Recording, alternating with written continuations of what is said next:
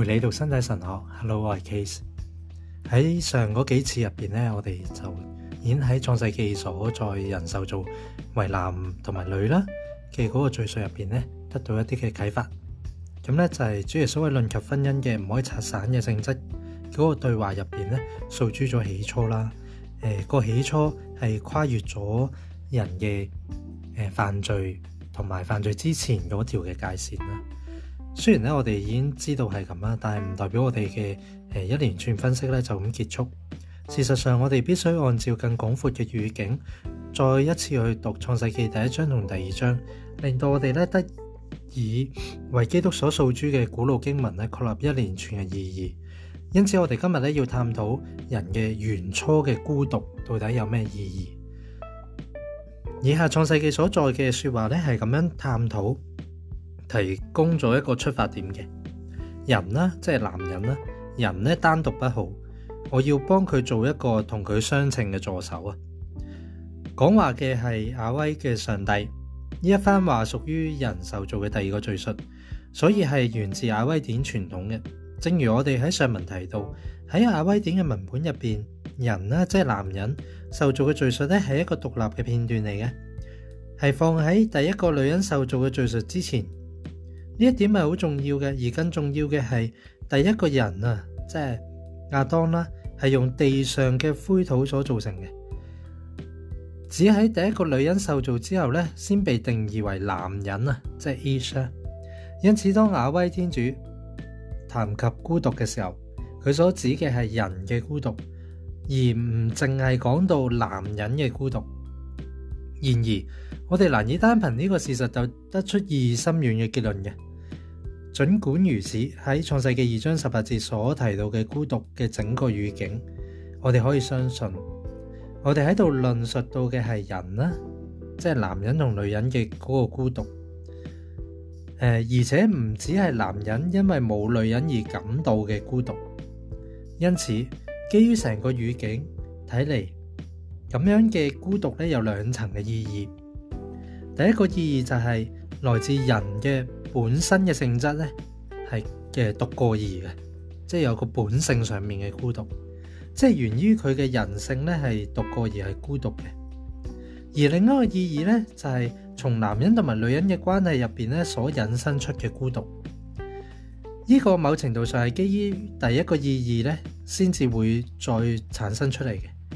就呢个描述作出详细分析之后咧，似乎可以确认到呢一点。孤独嘅问题咧，只见于人受造嘅第二个叙述啊。第一个叙述咧系冇提到呢一个问题嘅。据此，上帝用单一嘅行动创造咗男人同女人啦，因为上帝就做照自己嘅形象做咗人啦，做咗男人女人啦。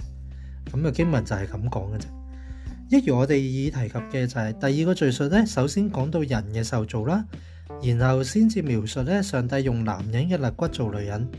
强调咧，人系单独嘅呢一个事实。后来呢个事实成为咗一个基本嘅人学课题，即系关于人系乜嘢嘅一个课题，可以话系先于人受作为男人、女人呢个事实所引发嘅课题都未讲男人、女人啦，就有呢个话题噶啦。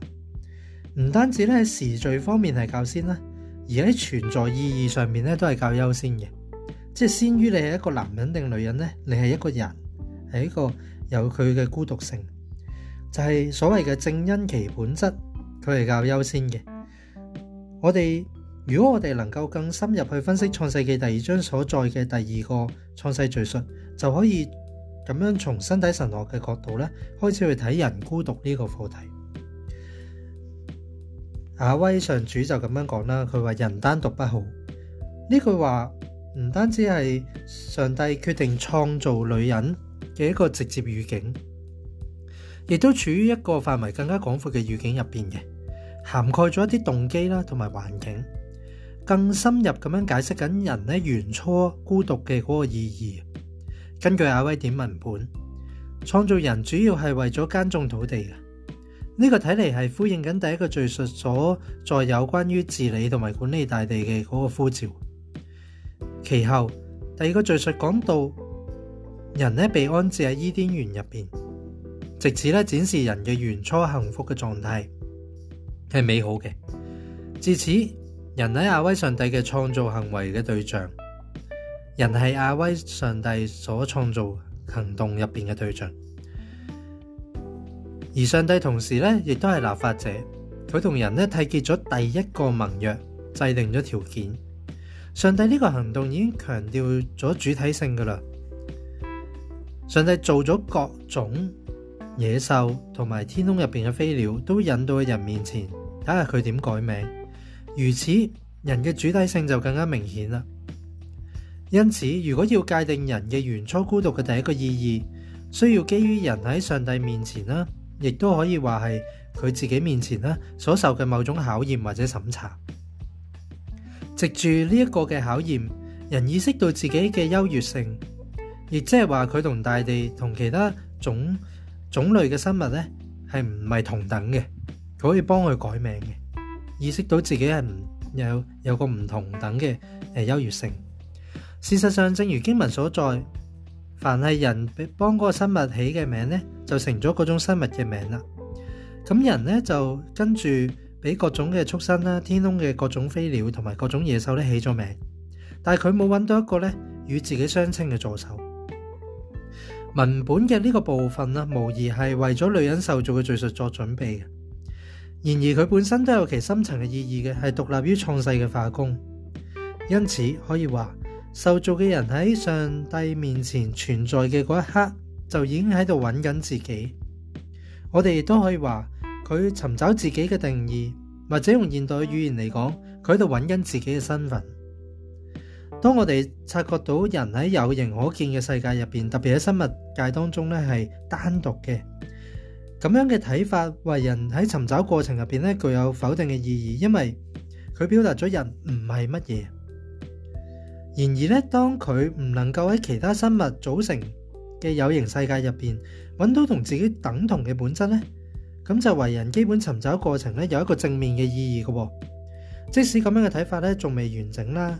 未系一个完整嘅定义啦，但系都构成咧其中一个好重要嘅要素啦。如果我哋接纳阿里士多德嘅传统同埋逻辑嘅人学嘅话，我哋就要将呢个要素咧定义为近类。但系呢个亚威典嘅文本亦都让我哋发现呢个精彩片段所在嘅其他要素。根据呢个片段，人发现自己喺上帝面前系单独嘅，